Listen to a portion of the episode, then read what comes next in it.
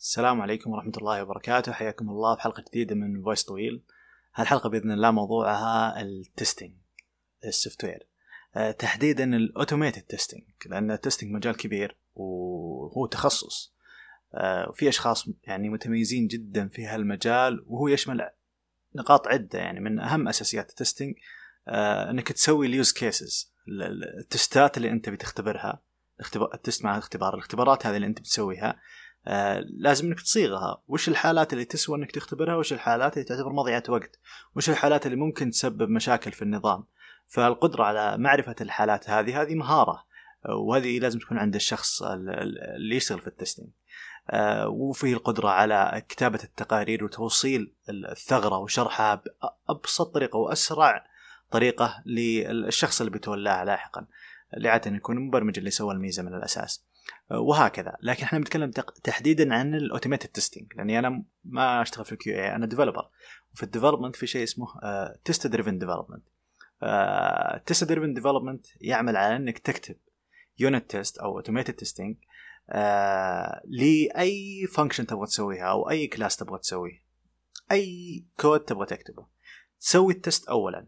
وال test أكيد بيفشل لأنك إلى الآن ما كتبت الكود بعدين تكتب الكود لما ينجح ال test بهالطريقة هذه أنت تخلي ال coverage اللي هي التغطية لل automated testing عندك أو ال unit testing أكبر. لانك كل ما جيت تبرمج شيء اتاكد إنه يكون عليه test اولا.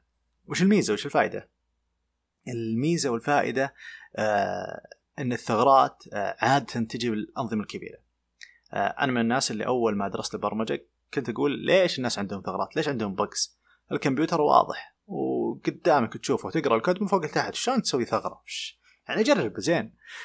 طبعا هذه نظرة سطحية جدا وساذجة. الحقيقة أن الثغرات دائما تجي مش في function معين أو في class معين لما تكتبه. قليل هذا الشيء يصير.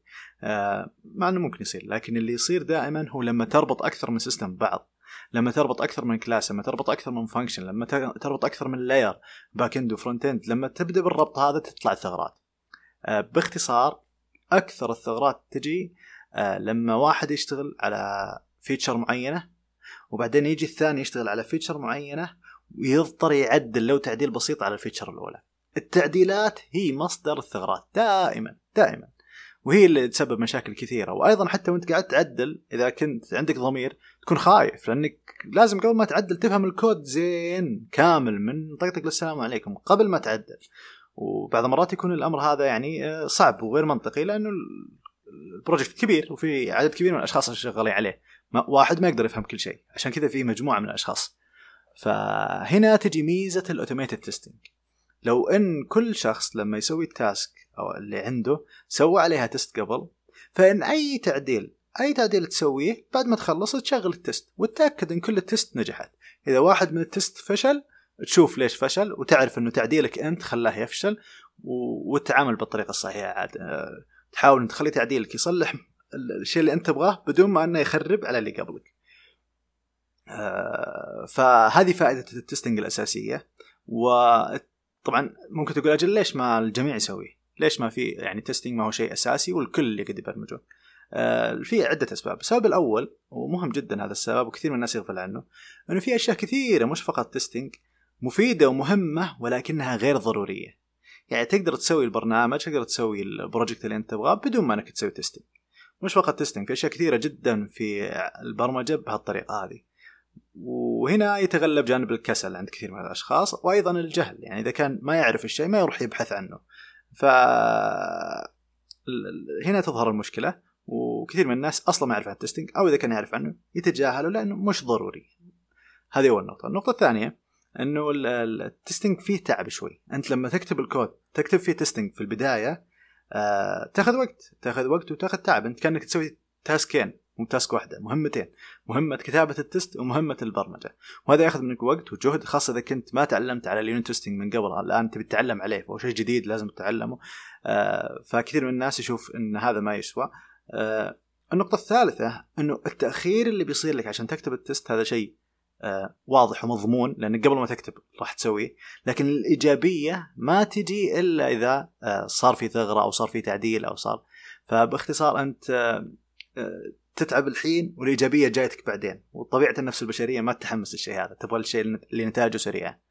آه هذه الأسباب اللي تخلي كثير من الناس ما اشتغل على ال testing ولكن حسب ما أعرف أنا كل الناس اللي جربوا ال unit testing آه أعجبوا جدا بالموضوع وما عاد تركوه وأنا شخصيا ما دخلت ما تعلمت على ال unit testing إلا قريب يعني كنت أسمع عنه من زمان من زمان من سنوات يعني وأنا أسمع عنه وهدف من الأهداف اللي حاطها عندي. لكن ما جاء اليوم اللي أسويه يوم تعلمت عليه آه لاحظت النتائج الخرافية جدا.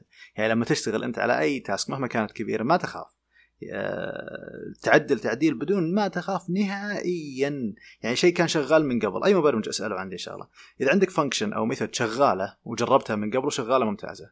والحين جاب بالك طريقة تحسنها. تخليها أسرع شوي أو تسوي لها refactoring أكثر المبرمجين يخاف خاصة اللي عندهم خبرة يخاف يلمسها دائما في قاعدة موجودة عند المبرمجين مشهورة. If it's not broken don't fix it. إذا ما كان خربان لا تصلحه. فكثير من الناس يخاف إنه يلمس ال function لكن لو كان عندك unit test على ال function هذه شامل وواضح ما تخاف ابدا. الدرع تسوي اللي أنت بتحوسه تمسحها وتكتبها من جديد تو لأنك إذا خلصت تشغل test إذا نجح ال test كمل إذا ما نجح أه سوي rollback ولا لا تسوي commit لل change هذا أصلا على ال Git من الأساس. آه، فهذا اللي unit testing آه، خاصة الشباب اللي في بداية البرمجة أنا انصحهم يتعلمون عليه لكن ما تعلمت عليه أبكر كل ما صار أحسن لك. وكل اللغات فيها unit testing وكل ال framework ات فيها unit testing لأن ال testing شيء جدا جدا جدا مهم و...